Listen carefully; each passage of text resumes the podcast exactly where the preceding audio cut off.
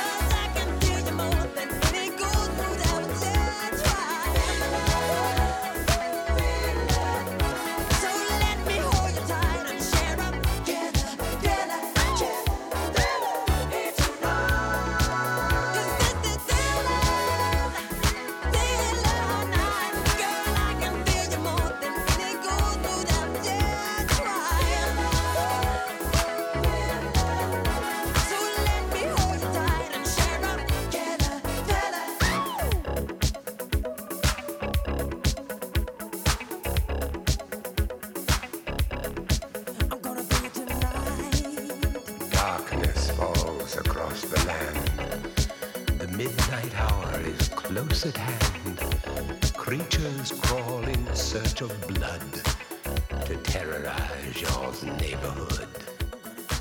And whosoever shall Já, þetta be er Michael found Jackson að syngja þarna titilægið á sound plötunni sinni Thriller og þetta var uh, val viðmaldamins sem situr hér hjá mér og velkomin Þór Breiðfjörð Takk fyrir Felix, takk innilega. Gaman að vera hérna. Já, um, svona ég er nú annur að spyrja viðmælandi mína fyrst svona, uh, ertu morgumadur? E, já, ég er smá kameljón samt. Já Ég, ég get snúið bara fært hjá mér og, og, og, og vakna snemma. Já, En ef ég leifi mér að gera það, þá sí ég yfir í næturdýris. já það er svoleiðis Já. Þannig að þú getur svona sveiflast alltaf á milli Já, en alla jafna þá, þá er ég nú svona þessa dagana morgumæður. Já, vaknaði snemma og byrjaði að. Þú ert aðalega svona í e, þú ert mikið í kennslu og svolítið þessa dagana Já, er það ekki? það er passað. Þannig að það er svona minn, minn rundur og mér finnst ég oft svona, haugurinn er oft feskur og kyrr á mótnana. Og uh, þannig að, en já, ég er minna núna í einhverju svona kvöldsýningum í augnumblíki. Nákvæmlega, gott að setja við skriftir á mótnana og svoleiðis Já, já, Komum betur að því að hér á eftir akkurat. En af hverju thriller? Því, sko, þetta tengist fimmunni þinni Þetta tengist fimmunum mínu.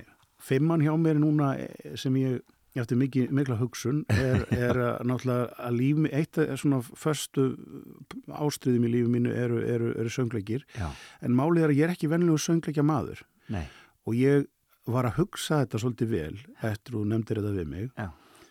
og uh, ég mín fyrstu stóru áhrif sem bara sprengt á minn hausinn komu akkurat á endanum sem að ég er rauninni ekki er voðalega þekktur fyrir eða ekkit sérstaklega góður í, það Já. að dansa. Já, en ég meni, ég geti nú hreift mig sko. Emið en hérna en ég er ekkit, var ekki ykkur ég var í smá ballett í, í söngleikináminu en, en sem sagt, málið það, mín fyrstu áhrif að ykkur sem að, að, að, að það sem að söngleikinnir eru náttúrulega að gera þeir nota listformin til þess að segja söguna. Akkurat.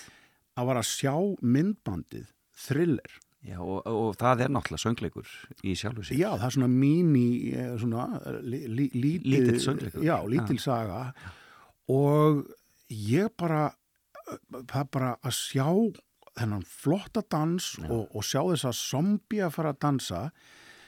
Að þetta var svo þetta, þetta var, þetta var geðveikt. Já, hrikalega vel gert. ég var þarna á, á hérna, heimavistin í lögabakaskóla Það var svoleiðis, já, Já. Og þetta hefur verið á nokkrum árum þetta kemur út 1983 þetta hefur verið nokkrum árum kannski eh, árið eftir. Já, og náttúrulega flestir voru að fara hérna og reyna ykkurast kannski stelpur á vistinni og, og, og, og fá smá svona hryllingsfíling því að náttúrulega leikstjórin af American Werewolf in London uh, var sá sem leikstýri þessu.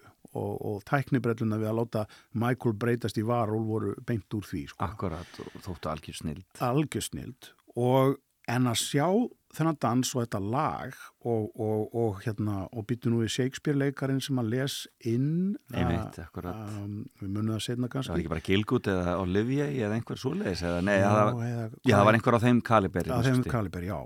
Og hérna, þetta var bara söngleikur á þess að ég vissi það. Já, akkurat og frelsið við að bara taka það sem þarf hvaða listkarinn sem er til þess að segja söguna áhrifaríkan hátt þetta var geðvegt Já, akkurat bara.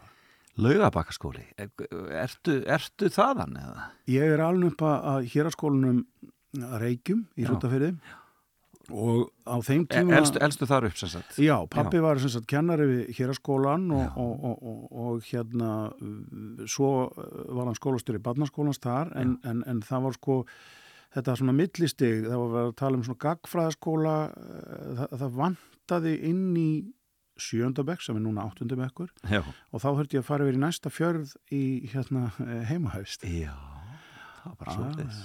Þannig að Þannig að þú ert sveita drengur Já, já, já, upplæði fór vestur hún á síslu sko, ekki austur. Nei, já, við, það, við skulum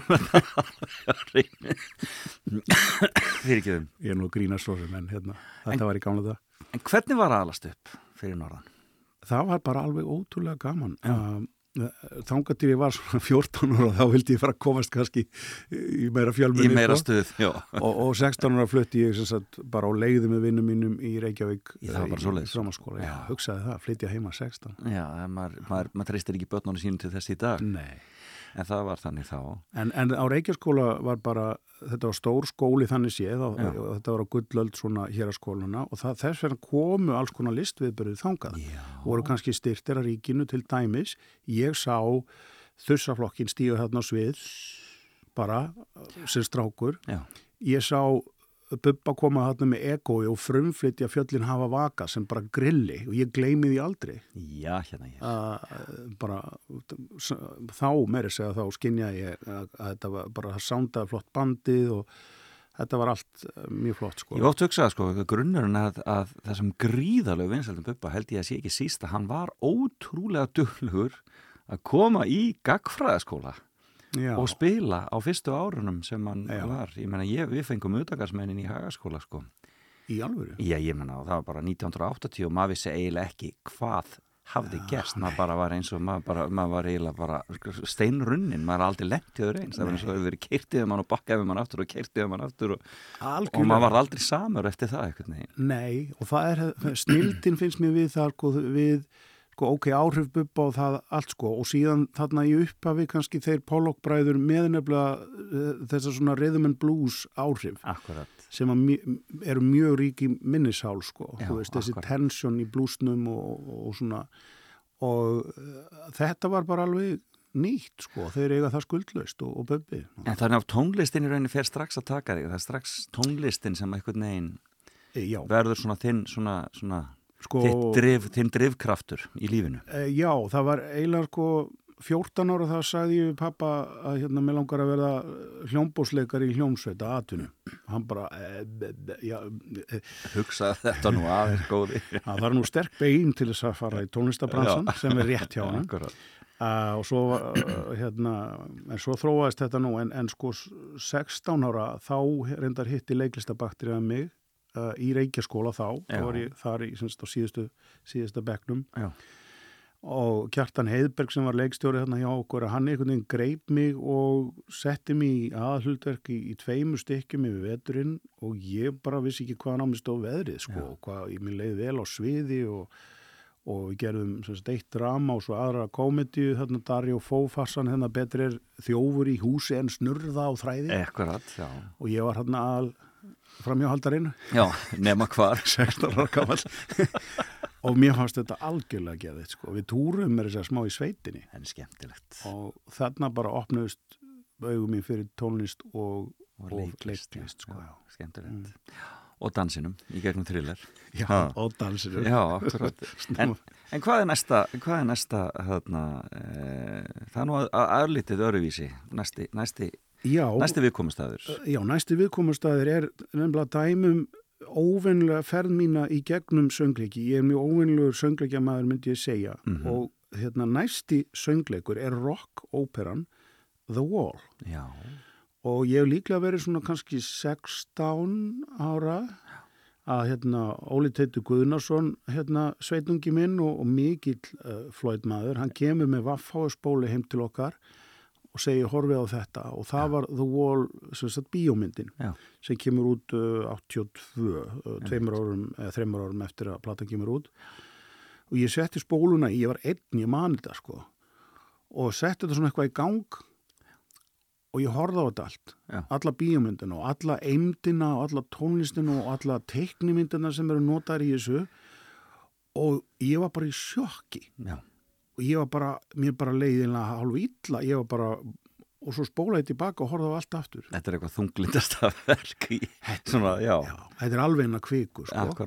en það er mikill heiðarleiki. Og hann er náttúrulega náttúrulega var að eiga við höfundur Roger Waters er nú líklega svona gengur ekki alveg heilt í skóar og, og, og alls konar manni og þunglindi en þetta það, þetta var svo kraftmikið og, og, og í rauninni einlagt og óvægið og en tónlistin algjörlega störlu finnst mér þú valdir lag sem um, he, maður heyrir ekki mjög oft. nei, Hvað heitir það? uh, þetta heitir One of My Turns Já. og þetta er náttúrulega bara pjúra söngleikja uh, efni því að sagt, þarna er hann er kallaði Pink hérna, sem að Bob Geldof leikur í kvikmyndinni sko. Einmitt. Að hann sem sagt er uh, þunglindur þarna inn á hótelherbyggi rockstjarna og er, er komið með eitthvað grúpi þarna inn sem er að litast um en hann er bara lokaður svona inn í eigin uh, heimi og vegg og þunglindi og lægið byrja mjög rólega þar sem hann er svona og svo trompast hann og byrjar að rústa herbygginu og tónlistin endur spekla það algjörlega snildalega. Það er þessi upphafslína sem þú vilt vekja aðtikla á. Já, þessi, þetta er bara ein, ein besta lína hvernig lag byrjar. Day after day, love turns grey like the skin of a dying man. Við skulum, skulum heyra, heyra þetta og svo höldum við áfram að rappa Þór Breiðfjörð. Day after day, love turns gray like the skin of a dying man. Night after night, we pretend it's alright.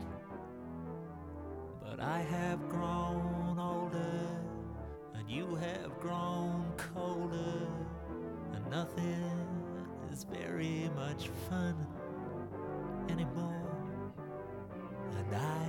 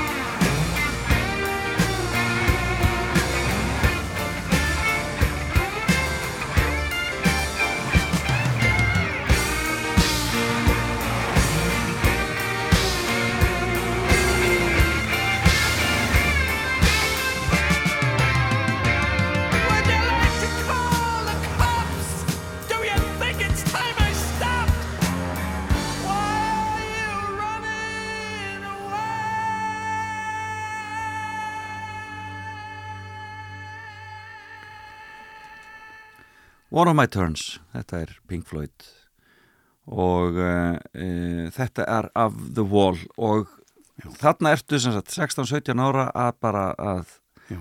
að verða ástfangin af, af þessu söngleikaformi í rauninni.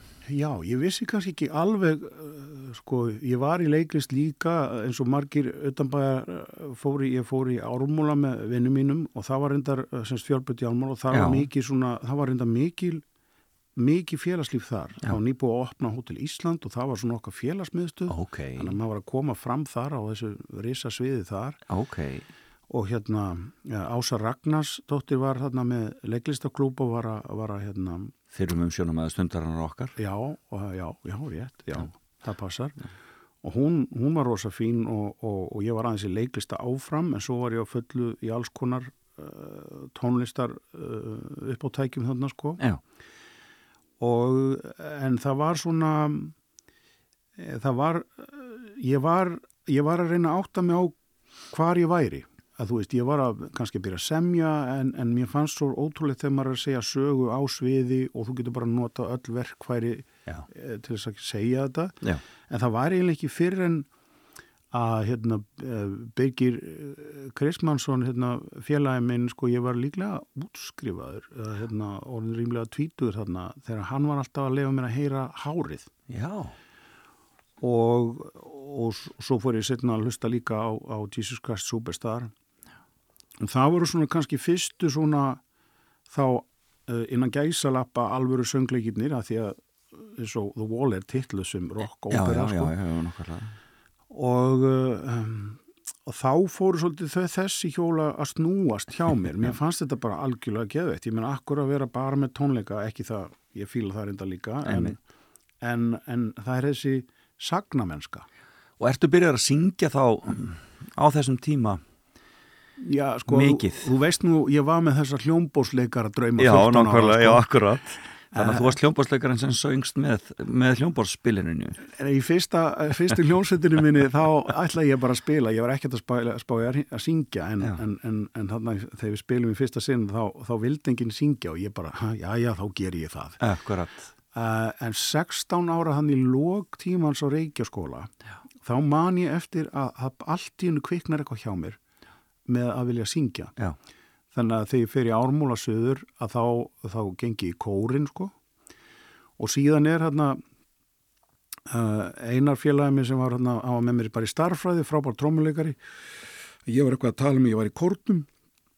Og hann segir, herru já þú ert svona í kórnum við erum með svona rocksveit að vant á söngvara viltu ekki kíkja við? Og ég bara, jú, þetta var alveg rosalega flottir spilarar maður. Já frábært. Þannig að ég var sem sagt að rokka þarna í álmúla og, og bara byrjaði einhvern veginn að pröfa mig áfram að syngja. En sko lengi vel þá var ég bara ekki með neina kennslu sko. Nei, og, og ég bara, ég var eitthvað að reyna að spyrast fyrir en það var eiginlega sko ekkert sem að mér leist á að fara. Þú veist maður var með hárnir að herðar og eitthvað sagði að það var að bara skella þér inn klassískan söngkennar og ég bara sæl, ég fyrir nú ekki að gera það. Nei, akkurat. En, en svo var maður nú eldri og vitrari sko. Já, akkurat. En þessi tveir söngleikir sem þú nefndir Já. Árið og Superstar já. Þeir áttu aftur að hafa mikil áhrif á lífið þitt. Gríðilega mikil áhrif því að ég nefnilega enda ríflega tvítur á að fara í opinn indtökupróf hjá hérna Baltas, Baltasar Kormaki og, og hérna þeim félögum í hérna eh, loftkastalunum og lendi í hópi sem að eh, setur upp hárið í uh, íslensku óperinu eða gamla bíói eh, 1994 minnir mig. Nákvæmlega, einmitt. Og uh, þar var náttúrulega bara, það var opinn inntökupróf og þar kom inn bara alveg strólan, þetta var held ég fyrsta uh, ég held að það verið fyrsta atvinnuverkefni hjá Helmi Snæ Einmitt. sem Berger og þarna bara alveg bara, bara röðin af, þú veist, hérna Margaret Wilhelms og, og, og Yngvar E, þú veist, og hann var náttúrulega hérna hérna, hérna, hann hérna, hvað heitir hinn svarti þarna. Já, einmitt. Uh, og, og það náttúrulega var ekki gert í dag Nei, það var ekki gert þannig í dag en Já. það var, það var, það var svona tímar að tákn svolítið. Já það er náttúrulega bara, þetta var frábár söngleikur og, og, og, það voru engir artistar þarna sem að gáttu gengið akkurat í þetta hlutverk og svona minnst ekki augljóslega. Augljóslega allána og já, já, þannig að maður var bara að sápa bakið á yngvari á, hverju kvöldi en því að ná á honum brúna farðan Já, akkurat, einmitt en, eh, en síðan þar á eftir þá fekk ég tækifæri til þess að, að hérna, syngja Júdas á móti Stefáni Helmarsinni sem var náttúrulega á, á svona í hábúndi vinsælda hjá Sálunars Jónsmís eða Sálinni og gæti ekki sleppt böllum sko. Það er borgarleikusýningin það er upp. Það passar, já, og Átni Pétur Guðjónsson var aðstofleikstjóri Já Og það, en það, þá ertu, þarna ertu ekki farin í sem sagt, námið sem þú síðan nei, leggur í. nei, Þannig að þetta er bara, þú ert bara komin í rauninni, það er búið að skella þér í sviðsljósið. já Um, eigum að, að rifja upp, við skulum rifja upp annan söngleikum, við skulum rifja upp Superstar. Já, Hvað viltu heyra úr Superstar? um, já, það er náttúrulega Heaven on the Minds til dæmis uh, er en um, átt þú eitthvað upp á aldrei? Nei, í rauninni ekki, nú er þetta alveg undir Nú, þér komið nú sko. ræði ég alveg sko. Já, það er, ekki, er eitthvað, eitthvað njútas?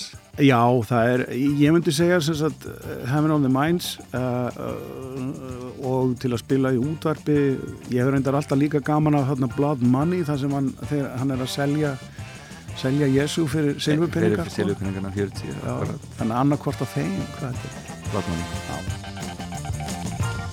Now if I help you with matters that you see, it's sort of kind of things coming hard to me. It's taken me some time to work out what to do. I weighed the whole thing up before I came to you. I hadn't thought at all about my own reward. I really didn't come here on my own accord. Just don't stands for all time. I came because I had to, I'm the one who saw. Jesus can't control it like you did before. And furthermore, I know that Jesus thinks so too. Jesus wouldn't mind that I was here with you. I have no thought at all about my own reward. I really didn't come here on my own accord. Just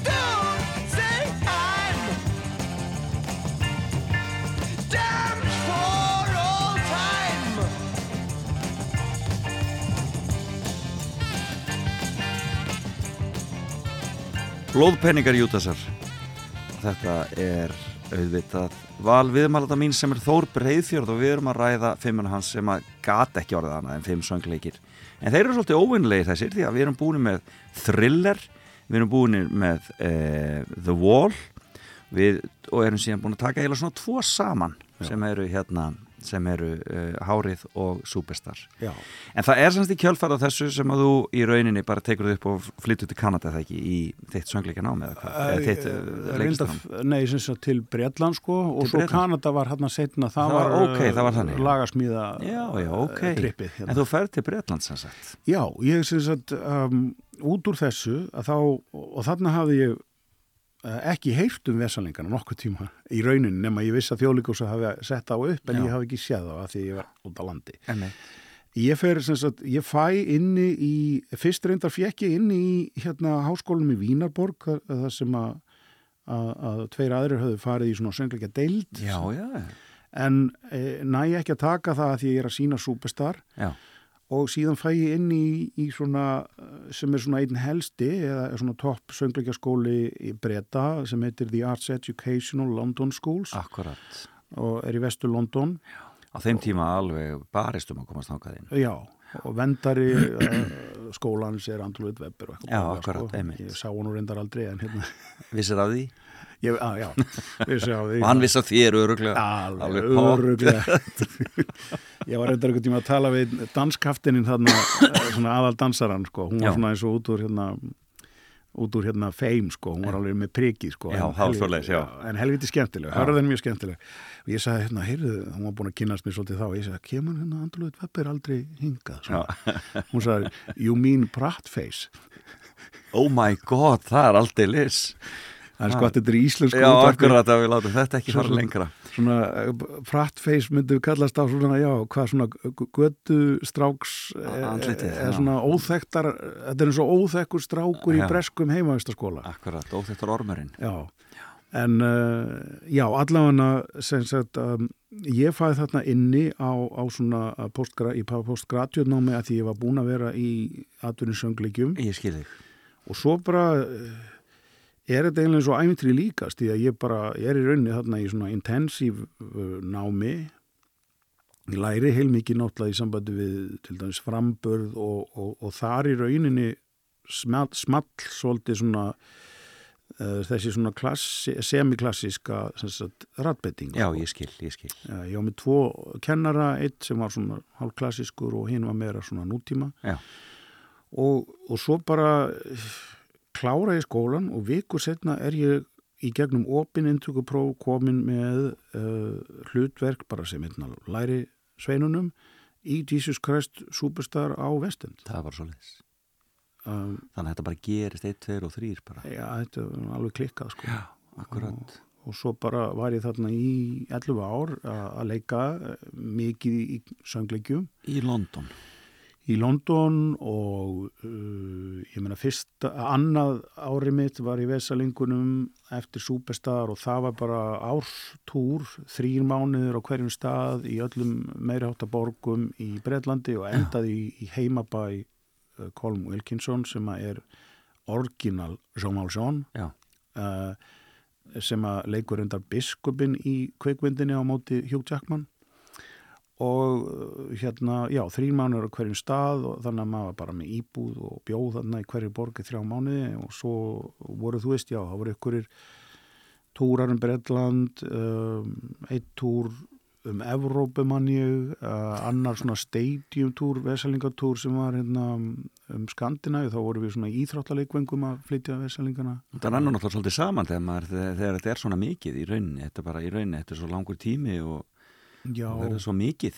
Já, já, já, já og, og svo, þú veist, það var eitthvað smá sjómarp og, og svo veist, eitthvað lítil hlutverk í, í kvikmyndum Já. og, og, og svo reyndar einmitt, ég var nú bara að minnast þess núna að hérna, ég var að fá einmitt mjög falleg skilabúð sagt að ég var í hérna söngleg, nú bara er ég manni ekki alveg hvenar, en það er eitthvað tíman eftir 2000 að, sem heitir Roll Over Jehovah Já. og var svona uh, grín rock söngleikur uh, sem byrjar á sem sagt, að Guðskapar heiminn Já, og segir þetta er fullkomið og djöfullin kemur og segir nei en þú, þau eru ekki með frjálsam vilja.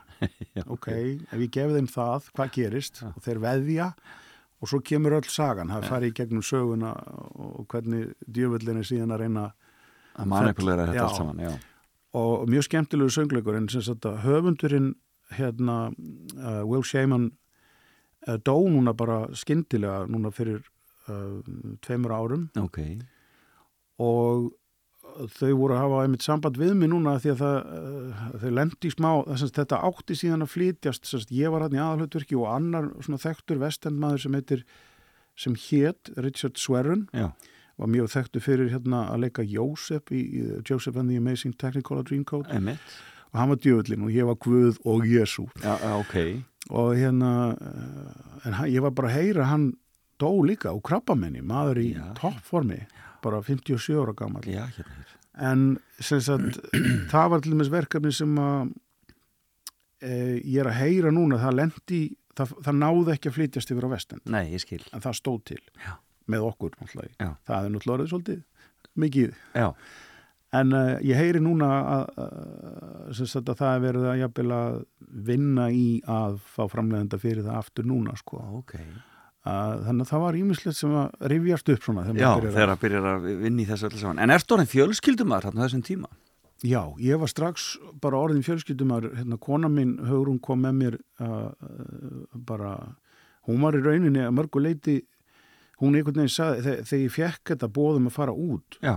Og þá voru við svona nýberið saman Hvað ertu gamall þá? að ég verið 20 og uh, 5, Já. 6 ára Já.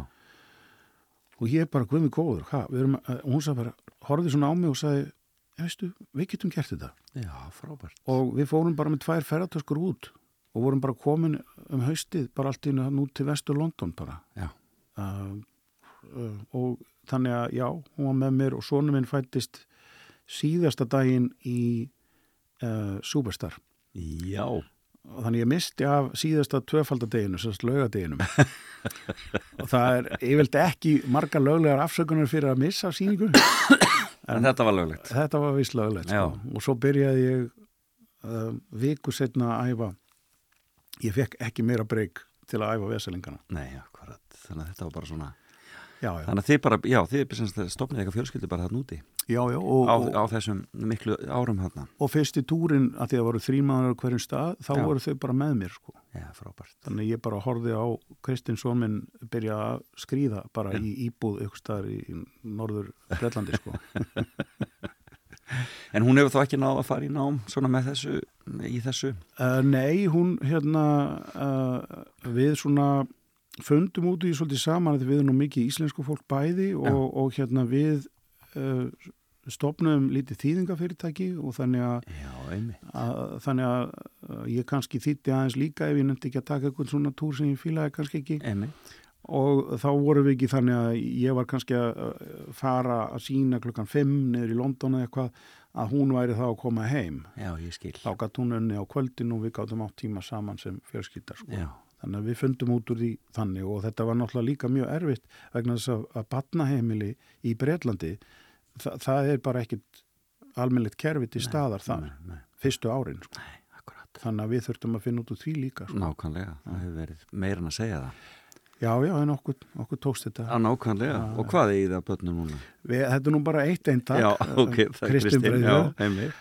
en uh, ansi gott eintak Já, það er gott. þannig að hérna, Þið létið þar við sýta. við letum þar við sitja kannski meðal annars út af því að við náttúrulega vorum að ferðast og reyndum að koma alltaf kannski jafnvel fjóra til sex vikur til Íslands Já, akkurat. ef við gátum Já.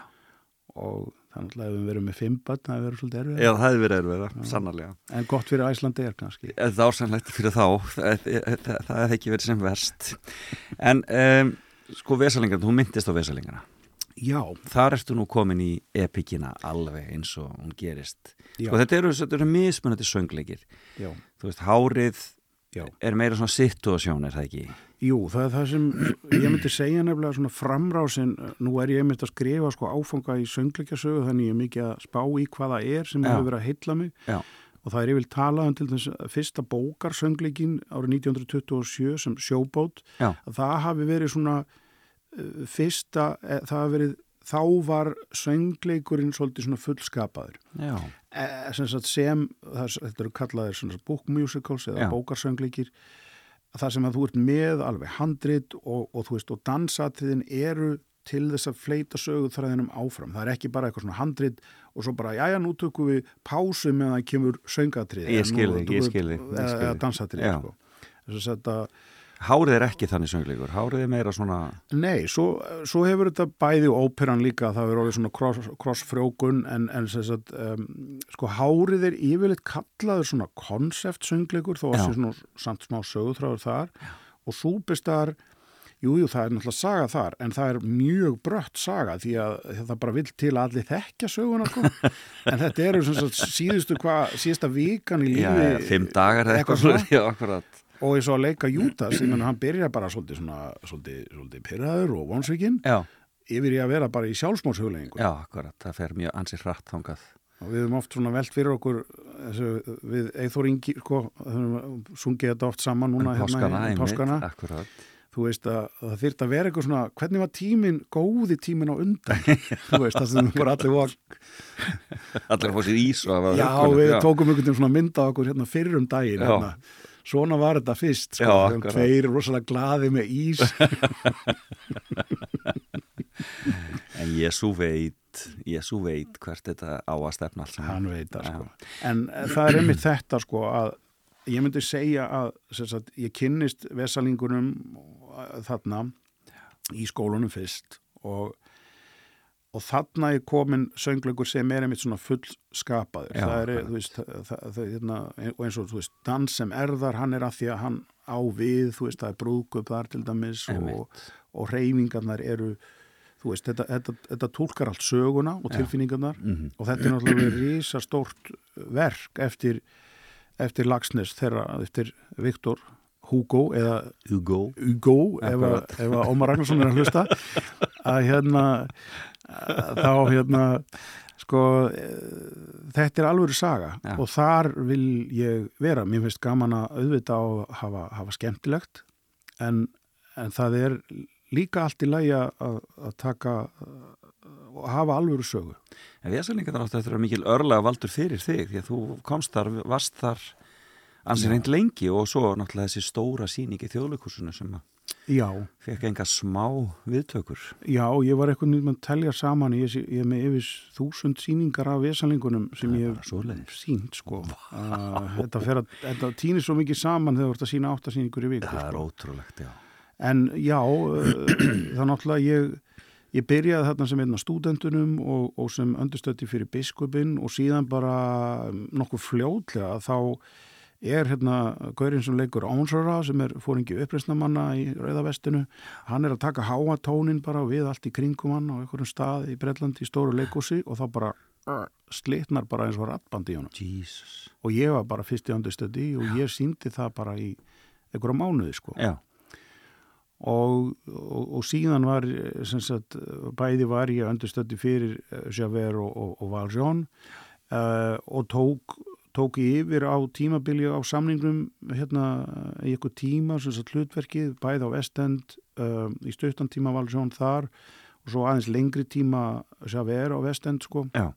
Það eru tvö aðluturkynni, eða ekki? Jú, það eru að hlutverkin sem sagt lauruglumæðurinn og, og hann hann Og aðal uppreisna maðurinn. Já, já, já, já, já, eða svona Já, sem allaði sér ekki verið.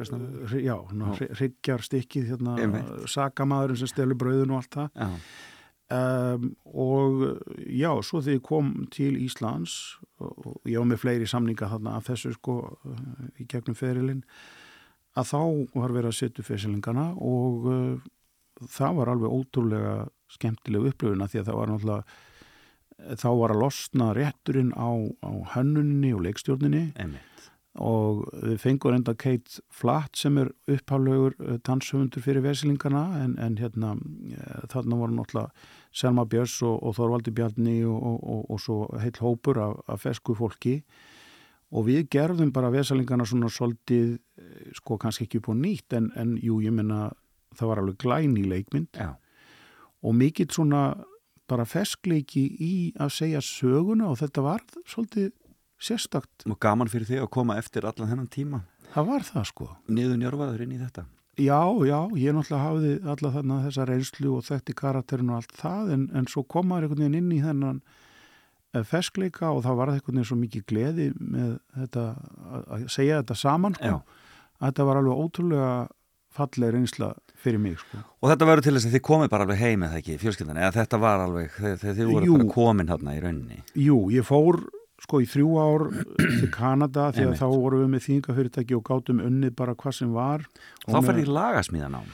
Eh, sko ekki nám, ég bara sagt, fór þarna til þess að aðeins að vinna í lögum fyrir svona sem við segja svona söngvaskálsefni sem að ég hafi verið að vinna í Einmitt. og hafi bara ekki haft tíma til að að gera, vinna almenni í Já. og ég kynnist mjög þekktum uh, upptökustjóra þarna sem er með frækt stúdíu þarna sem er bara út í uh, út í sveit í Nova Scotia bara falið í skóinum bara lítur út eins og hlaða Já. og hérna Lake Wind Studios og, og tek upp sem sagt Running Naked sem var sem sagt fyrsta soloplata mín og var þarna aðeins og ég var tilnæmdu til SCMA-velina sem er sem sagt East Coast Music Awards Ok.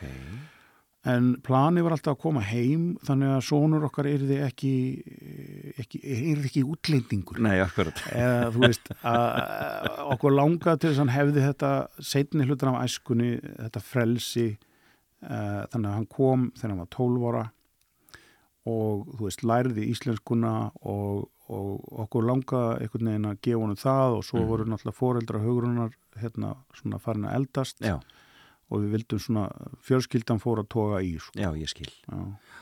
Þannig að við komum. Og hafið verið hér síðan? Já, já, og, og bara búin að náttúrulega vera hérna byggja upp söngleikjadeildina og söngskóla Sigur að Demets. Nákvæmlega. Við áttum tíu ára ammalinn og bara síðasta vettur. Já. Og svo hef ég, svo komum við að því kannski að, að, að, að, þessari reynslu. Já, nú er síðastu söngleikurinn, sko, sem er í rauninni sá 50 og það er þessi nýji sem þú ert að semja sjálfur Já, og heitir Hark. hann heitir Hark. Einhverju kannast við vinnuheitið, Rokkarinn og Rótarinn sem að vitna til svona uh, kjarna meðverkar sambandsins. Já, í, verksin, í verkinu. Já, en þetta er svona þríeiki, það er sem sagt að hérna uh, gamall rockari sko og rótarinn sem er bara algjörlega sjáum hann eiginlega sko Mhm. fyrir enga penning náttúrulega Emi.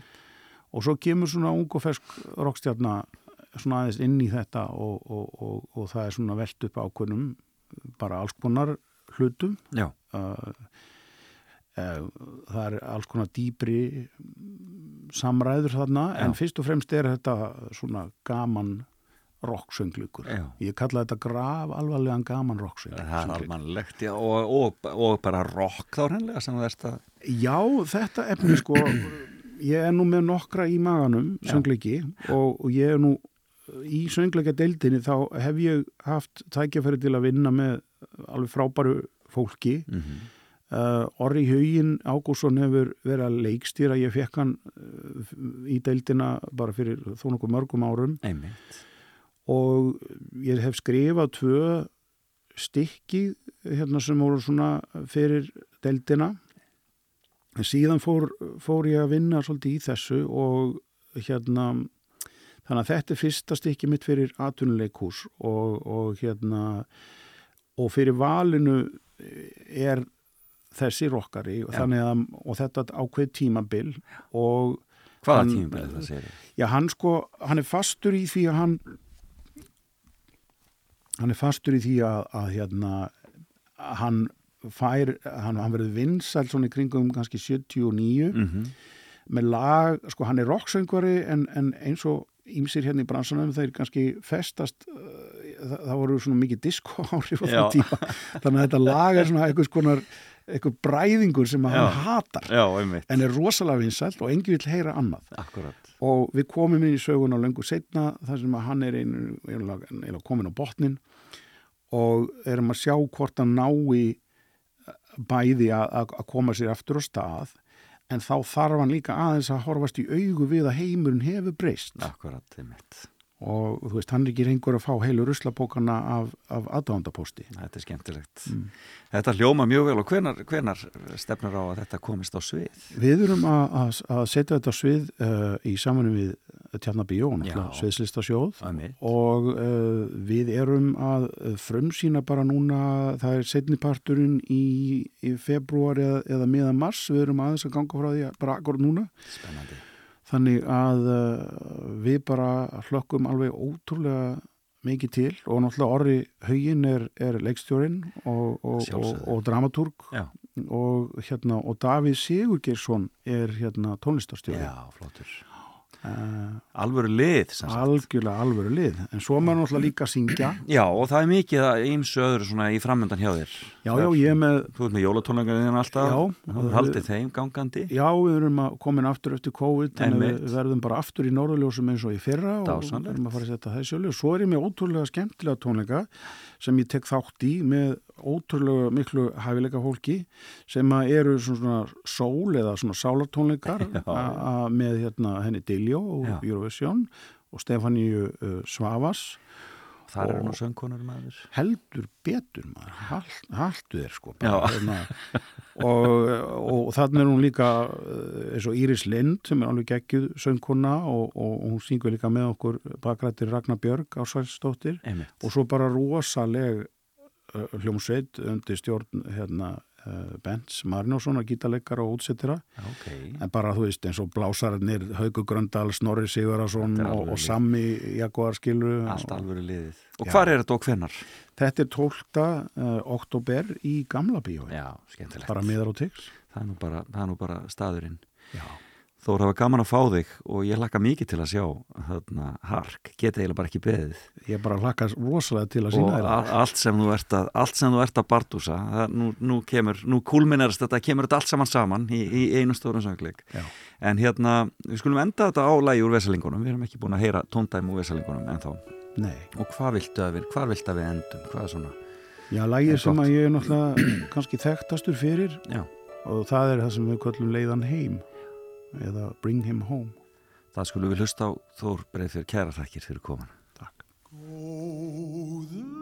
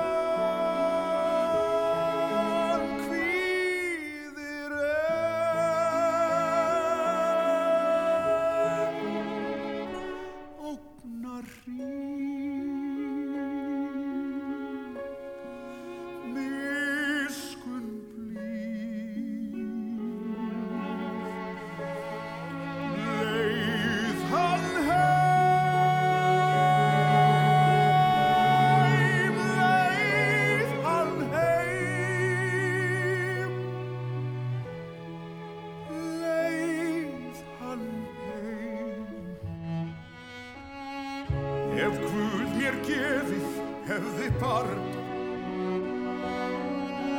hann gæti verið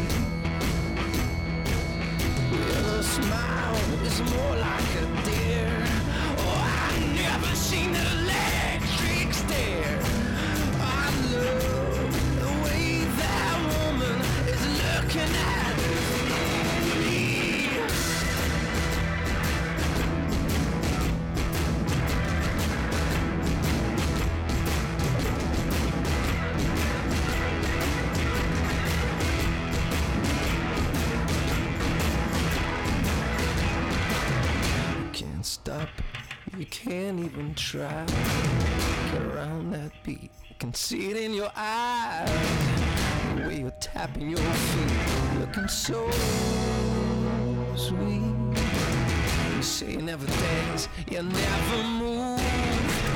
I seen the way you tap into my groove. Girl, your teeth and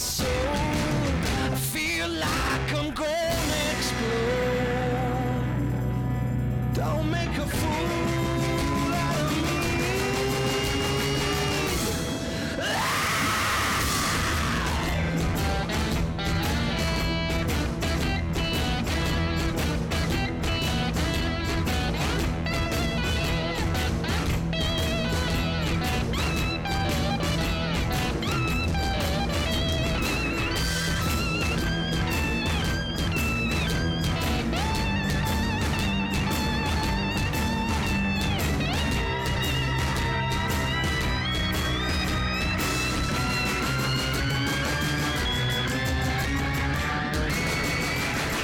Komið þið sæl aftur.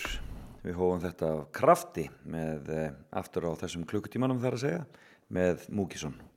Múki Búki var það eitt af hans allra bestu að mínu áliti frábært lag. Um, já Þór Breiðfjörð var gestur minn hér í fyrirluta þáttarins og uh, sagði okkur af fimm söngleikjum sem hafa haft áhrif á lífans og sá síðasti heitir Hark og það er nýju söngleikurinn sem ég get ekki beðið eftir að sjá kemur upp í tjarnabíói á ný, næsta ári. Nýju söngleikurinn hans Þórs. Gaman að menn sé að semja söngleiki það er nú aldeilis skemmtilegt. Ekki þar fyrir að það er náttúrulega alltaf verið að semja söngleiki á Íslandi. Við kvöllum þetta bara leikrit með tónlist. En ofta tíðum er þetta bara meira og minna söngleikir. Ég nefni sem dæmi Drauma þjófin sem er núna verið að leika í þjóðleikusinu og allir ætti að sjá sem er frábær íslensku söngleikur. Já, ég var svo að minnast kannski á nýju líf líka sem er bara hreitn og klár söngleikur, ekkert annað. Þannig að já, það er tónlistin að spuppa þannig að það er nú aldeilis ímislegt sem við erum að gera. En Hark kemur sér satt á nýju ári. Og hann nefndi líka, hann byrjaði á Thriller sem nú kannski ekki söngleikur en svona keirði hann svolítið að stað inn í þessa að það væri hægt að segja sögu í gegnum dans og tónlist og leik. Síðan var það The Wall það voru auðvitað eh, Roger Waters og félagar og eh, síðan var það Hárið og Superstar sem voru svona fyrstu söngleikinnar hans hérna heima og svo Vesalingarnir sem hann leik út um allt sérstaklega í Breitlandi og svo Íslandi. En uh, hér á eftir ætla ég aðeins að kíkja það sem gerist á deginum og svo ætla ég aðeins að spila fyrir ykkur svona rock ykkur svolítið í gang hérna eftir hálf tíu og taka nokkra góða uh, ACDC slagara og rifi upp sögu þeirrar frábæri ljónstar en hér er nútíma poppið hún heitir Olivia Rodrigo og syngur lag sem heitir Vampire þetta er nú alltaf svinsalt hjá okkur hér á Rástvö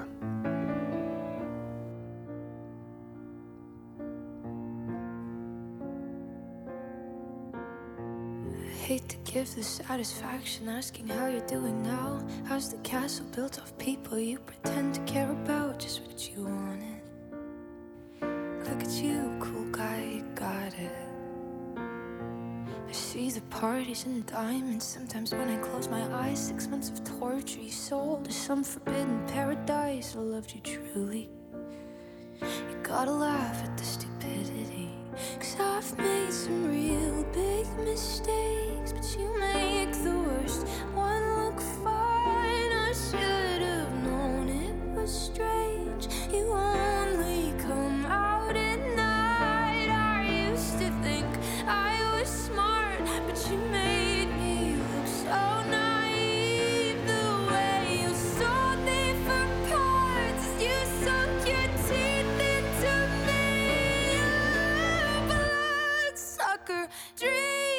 dream bleeding me dry like a damn vampire.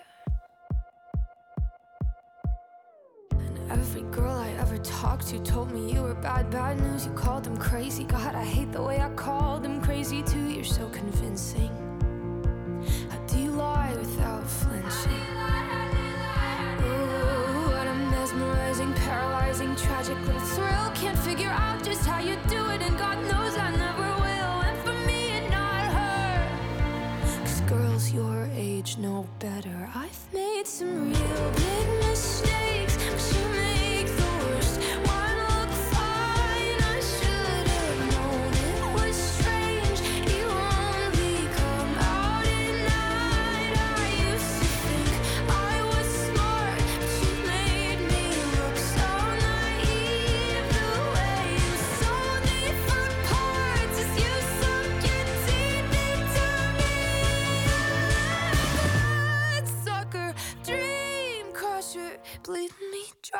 a damn vampire.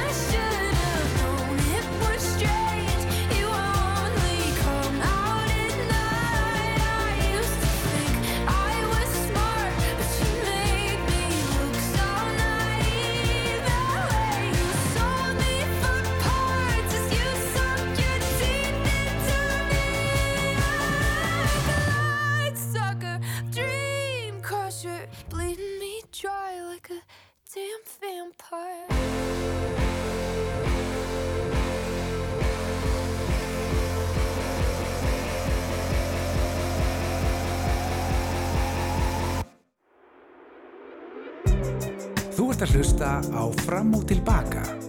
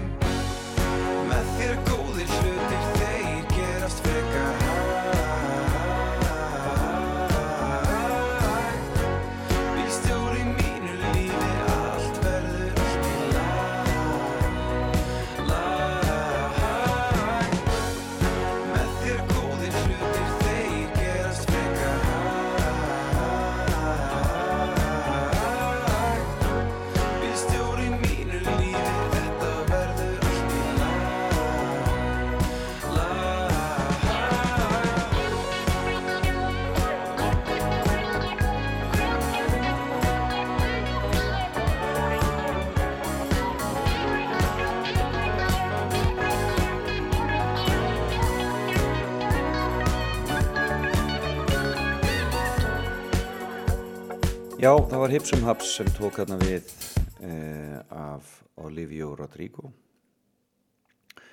Og eh, það er hann Fannar hann sé örugglega, sem er sem er allt í öllu í Hipsum Haps og eh, eh, þetta er orðið, verið stórið sóloverkefni hans Hipsum Haps ég veit ekki mikið meir en þetta er frábært tónlistamæður og frábært efni sem kemur frá honum. Heyrðan, hér eftir smá stund þá skulum við kíkja það sem gerist á deginum. Byrjum hérna. Þetta er hann Birgir Steitt Stefánsson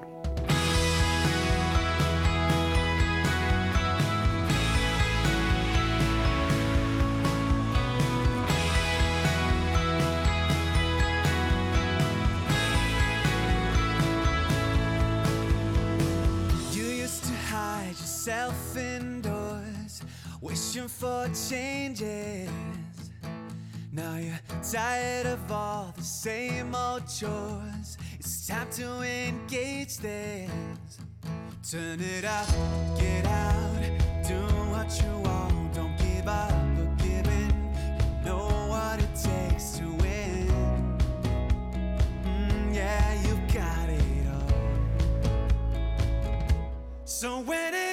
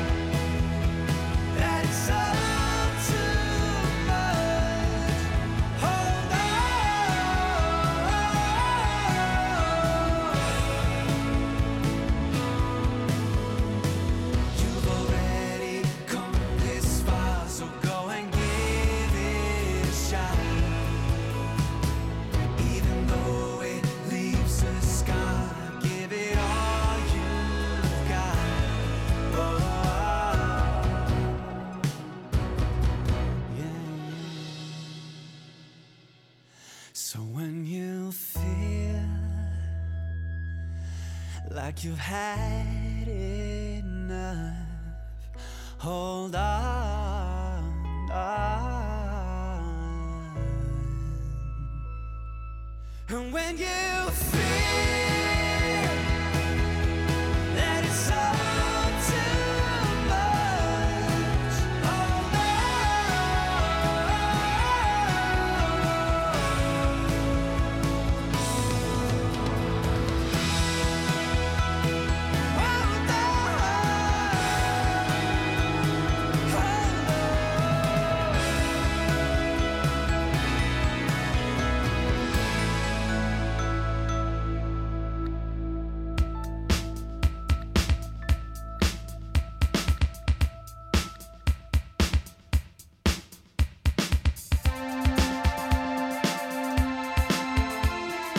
Já, þetta er Birgir Steinn Stefánsson og nýjasta lægir hans sem heitir Hold On.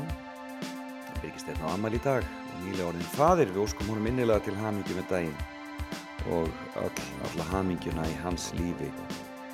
E, en það eru fleiri íslenski tónlistamenn sem eiga ammæli í dag og Eithor Gunnarsson á ammæli líka. Og e, já, við bara óskum honum innilega til hamingju með svo fórstu maður og snillingur. Og það eru fleiri. Á morgun er það barði í Bangang og Leilo, Lóis Elisabeth aðja, gaman að þessu. Tónlistamenn að eiga ammæli en það verður ímislegt gest á þessum degi gegnum tíðina og um, um, já, já, svona við skulum kíkja aðeins í fljótheitum yfir þetta. Svona ef við kíkjum inn á Wikipedia íslensku útgáfuna. En það var árið þúsund á þessum degi sem Svoldar orusta átt sér stað í Eistrasalti þar sem Ólafur Tryggvason lést. Hann var konungur Noregs frá 995 og var að vinnað útbreyðslu kristni. En hann deyr fimm árum eftir að hann tekur sannst við sem konungur e, í þessari orustu. E, árið 1850 stökkum vel fram í tíman var Kalifornia 31. ríki bandaríkjana Þingeirar kirkja var vígð á þessum degi árið 1877 já ég ætla að segja með Kalifornia þetta er náttúrulega þú veist 1850 verður sannst Kalifornia hluti á bandaríkjunum. Sínir manni kannski svolítið hvað þetta er stutt saga en þá þetta er ekki, ekki orðin 200 ár. Það er magnað. 1905 Sox Brú uh, var vígð og um þúsund manns voru viðstödd víðun, viksluna stór virki þarna Sox Brúin og Íþróttafélagi Þór var stopnað í vestmanni á þessum degi árið 1913 Það var 1926 sem að Reykjavík vöknuðu við alkvíta jörð að morgni á þessum degi. Já, hérna. Talið er að aldrei hafi gert alkvít fyrr að hausti í Reykjavík. Ég veit það nú ekki. Já, já, hvað segir við það? Kanski. Kanski. 1947, Haugur Klásen var norðurlandameistar í 200 metrar hlaupi á nýju Íslandsmeti. Já, Klásen bræðin er náttúrulega rosalegir og eru því líka stjörnur. Og hérna, já, skemmtilegt. E, og síðan stökkum við enn langt fram í tíman til 1975 en þá var geimfarinu Viking 2 skotið á loft. E, og e, þetta var til þess að taka myndir á Mars skemmtilegt. E, 1991 á þessum degi Tatsikistan lísti við sjálfstæði frá Sovjetríkjónum mikið í gangi þarna þessum árum 91, 90, 91, 92 í þessu öllu saman í, og svona þegar Sovjetríkin voru að liðast í sundur. E, og 1993 þá viðkennir Ísrael PLO sem fulltrúa palestinumanna e, förum síðan að láta, næ, láta þetta næja af því sem gerast á teginum. Jú, háhyrningurinn Keiko árið 1998 hann kom til Vestmanæja á þessum degi. Og svo er það Amælisbönnin það er annað Amælisbönn og það er Hugh Grant. Eh, hann á Amæli í dag fættur 1960 eh, þannig að hann er hvað, 63 ára í dag? Og sko honum innilega til hamingju og rifjum upp lægið úr eh, kvikmyndinni sem að gerði allt vittlust var ekki forvætnings en að funeral sem hann fór á kostum Hugh Grant og lægið Love is all around, gamli, gamli Trox smellurinn, hann var svo vinsall í flutningi Wet, Wet, Wet. Og það skulum við enda umfjöllunum það sem gerðist á teginu feel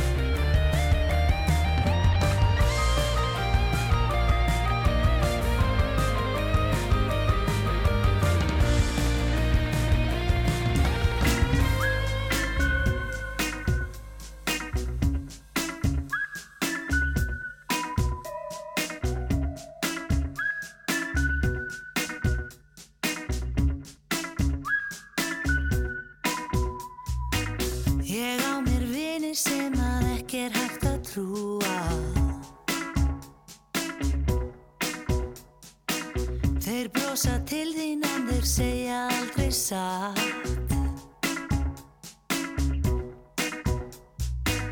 Ég reyna að segja þér að þú telur mig ljúa Ég svegi sannleikan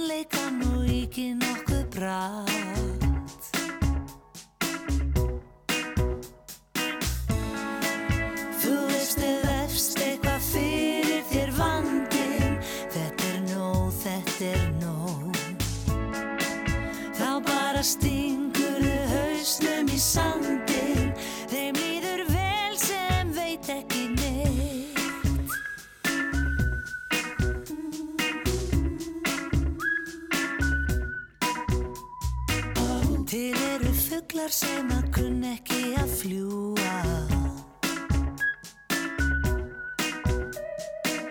En komið vandamál þeir hlaupa nokkur hratt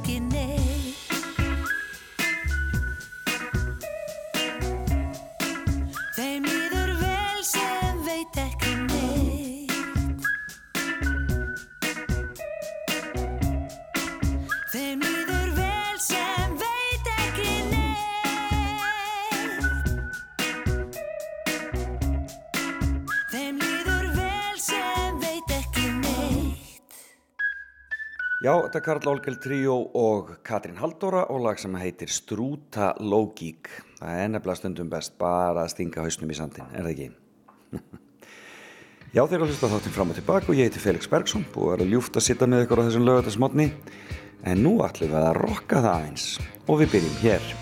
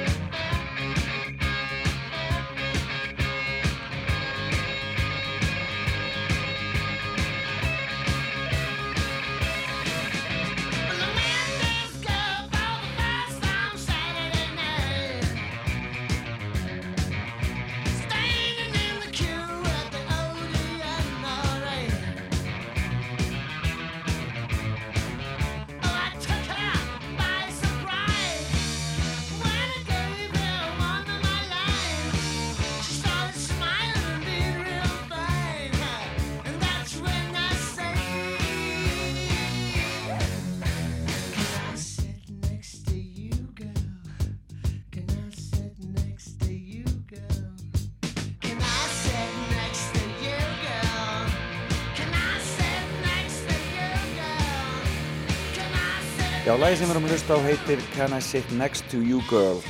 Og er hvorki mörni minna en fyrsta smáskífa e, ástralskara rock hljómsveitar sem að kalla sig ACDC og e, þarna e, syngur Bon Scott svona fyrsti alvöru söngvari hljómsveitarinnar e, í þessu fyrsta, á þessari fyrstu smáskífu. Eh, en eh, ACDC var semst stopnuð af eh, þeim bræðurum Malcolm, Malcolm og Angus Young árið 1973 það er semst orðin heil 50 ár síðan eh, þessi ljónsetta stopnuð og um, þessi bræður þeir höfðu nú fæðist í Glasgow uh, í Skotlandi eh, en fluttu til Ástralíu þá 8 og 10 ára og það er semst 10 árum síðar þarna 73 sem að þeir stopna ACDC e, og e, byggu í Sydney e, og voru bara, já, urðu, urðu gríðarlegar stjörnur í, e, í e, þungaroksheiminum e, en Bon Scott saga hans var mjög dramatísk og hann lést skömm eftir útkomu þessa lags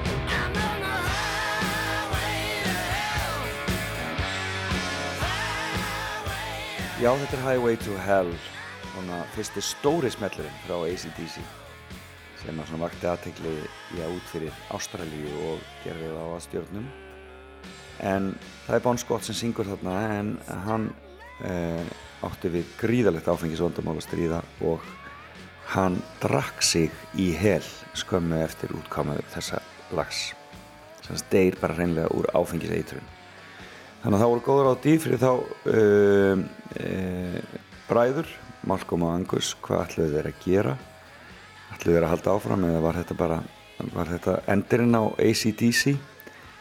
En uh, þeir fundu söngvara í Newcastle og uh, hann hafði verið í hljómsveit sem hétt Jordi og þeir höfðu hrifist af honum, Bon Scott var mjög hrifin af þessum söngvara þannig að þeim þótti tilíðilegt að fá hann í pröfu. Hann rúlaði pröfunni og skömmu síðar gerist þetta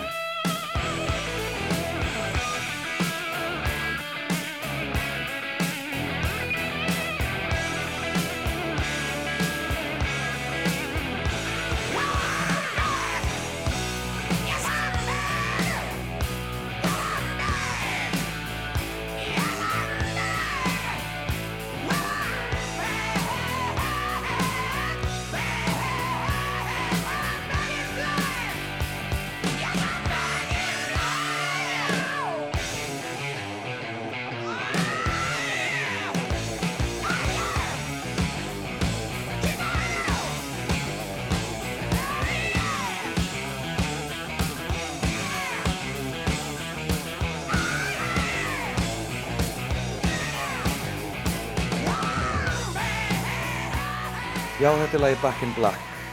Titillag hljómplutunar sem kom út eftir að Brian Jones hefði gengið í ACDC og þetta er nú talið ein af já, ein af mögnuðustu ein af mögnuðustu umskiptum í rocksögunni þegar Brian Jones tekur þarna yfir og þeim tekst að gera plötu sem verður ég bara ein mest selda plata rocksögunar ég held hún sé öðru sæti á eftir eftir Thriller uh, Michael Jacksons sem við heyrðum nú aðeins af hér í morgun.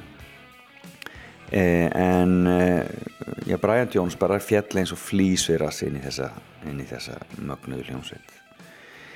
Síðan byrjar þessi svakalegi rússibanni sem að eh, allt líf og saga ACDC er, það eru endalisa mannabreitingar en þó eru þeir ennþá þarna, voru þeir alltaf þarna þrýr, Youngbræðurnir Malcolm og uh, Angus og svo Brian Jones.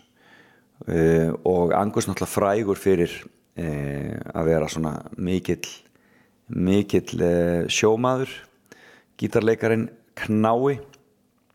Og þarna uh, hreistir hausinn með og klæði sig í skóla skólabúning sem er mjög skemmtilegt.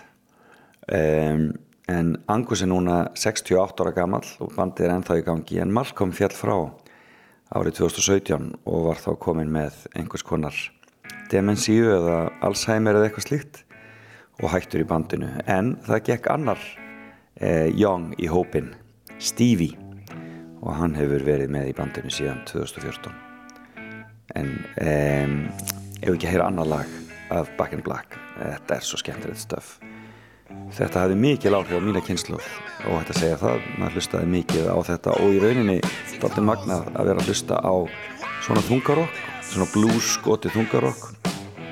Þegar allt gekk út á punk og nýbylgju þarna í byrjun nýjönda áratöðurins en lag eins og Rock'n'Roll Ain't Noise Pollution er um, já, það hver getur staðist slíkt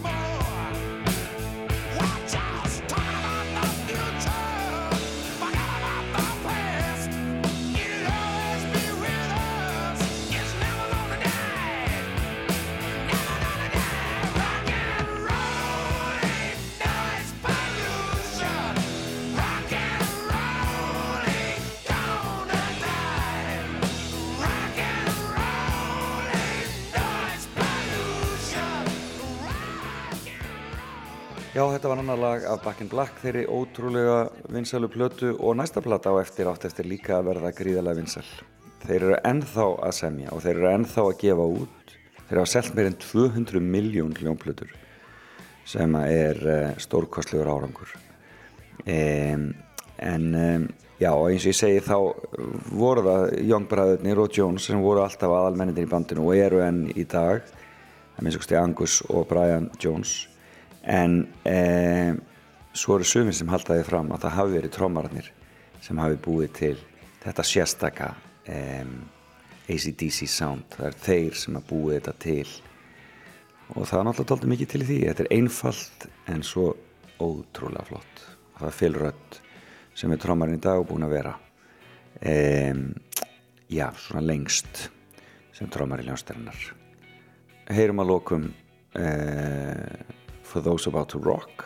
Það er sem sagt næsta plata á eftir. Og vinnu minn Graham, hann saði mér stórkoslega sög af því þegar hann fór að sjá ACDC í Glasgow. Komnir aftur heim voru með gríðarlega mikla græur og mikinn háaða og þeir sungu For Those About to Rock. Og þá komu svo vakalegar sem þeir voru með náttúrulega fallbissur eins og verabir í þessu lagi. Þá öskulaði Brian Jones Fire og þá rundi hátalarastæðan og þar með lauk þeim tónleikonum en heyrum For Those About To Rock We Salute You og, og lengi leiði ACDC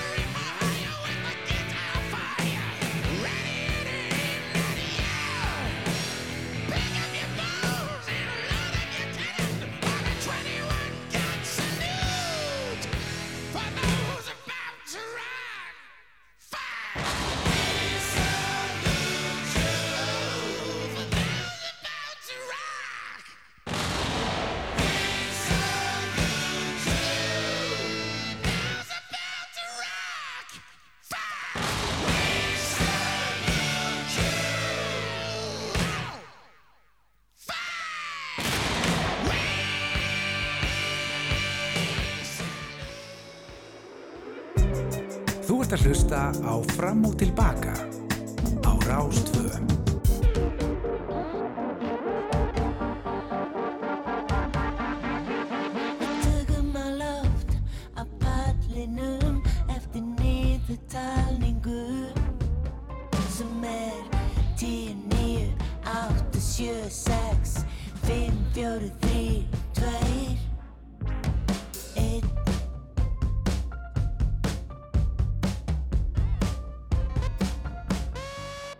that the take a smile when we screw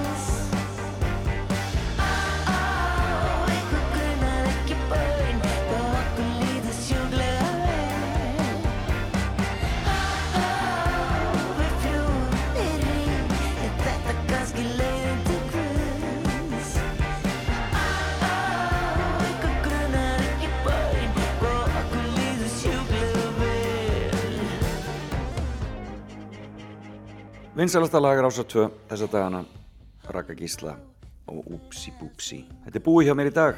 Ég þakka ykkur fyrir að vera með mér í fram og tilbaka. Og þakka frábærin gesti mínum í morgun Þór Breiðfjörð. Ég hveti ykkur til þess að ná ykkur í þáttin ef þið mistuð á því viðtali. Hann er inn bæðin á, á netinu og einnig á öllum hlavarpsveitum eða einhverjum hlavarpsveitum einskusti og þar getið hirt viðtalið við, talið við e við Þór Breiðfjörð. Það verður allt sem komið hér inn rétt eftir að þætti líkur. Já, aftur þakka ykkur fyrir að vera með og um, við heyrumst aftur eftir viku. Þá ætlum ég að tala til ykkar aftur frá útlöndum og þá fæ ég annan góðan gest í fimmuna. En takk fyrir í dag og bless bless.